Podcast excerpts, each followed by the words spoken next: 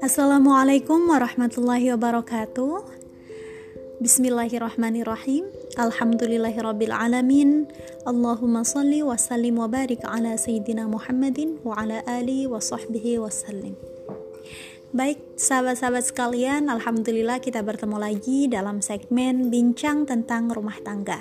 Kali ini kita akan membahas tentang manusia atau kita seorang istri atau suami adalah seorang manusia biasa. Baik sahabat-sahabatku sekalian, khususnya untuk para istri, cobalah untuk memaafkan bila suami kita atau pasangan kita memiliki kesalahan.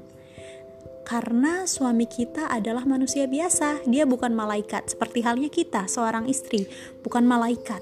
Kita hanya seorang manusia biasa. Ada kalanya kita salah, ada kalanya kita benar. Namun, dalam hal ini, sesalah-salahnya suami dia pun pernah berusaha mengukir senyum untuk kita, para istri, dan memeras pikirannya untuk memenuhi nafkah halal buat istri dan anak-anaknya.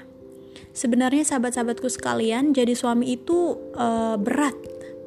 Hanya saja para istri yang tidak menyadarinya, kemudian suami juga menutupinya dari istri karena suami sebenarnya ingin melihat istrinya selalu bahagia, selalu senang, tidak ingin memberi beban kepada istrinya.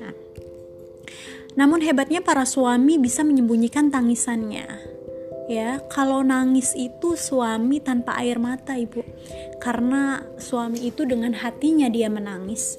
Sebab para suami punya prinsip bahwa istri dan anaknya tidak boleh tahu jika dia menangis.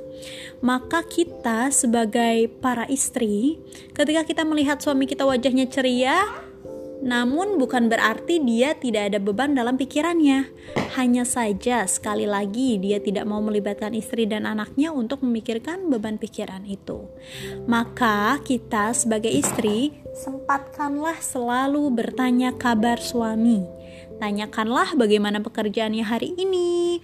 Kemudian uh, kita tidak lupa untuk selalu mengucapkan terima kasih terhadap uh, suami kita atas apa yang ia perbuat untuk kita, atas apa yang suami kita perjuangkan untuk menafkahi kita sebagai istri dan anak-anaknya. Wallahu a'lam. Wassalamualaikum warahmatullahi wabarakatuh.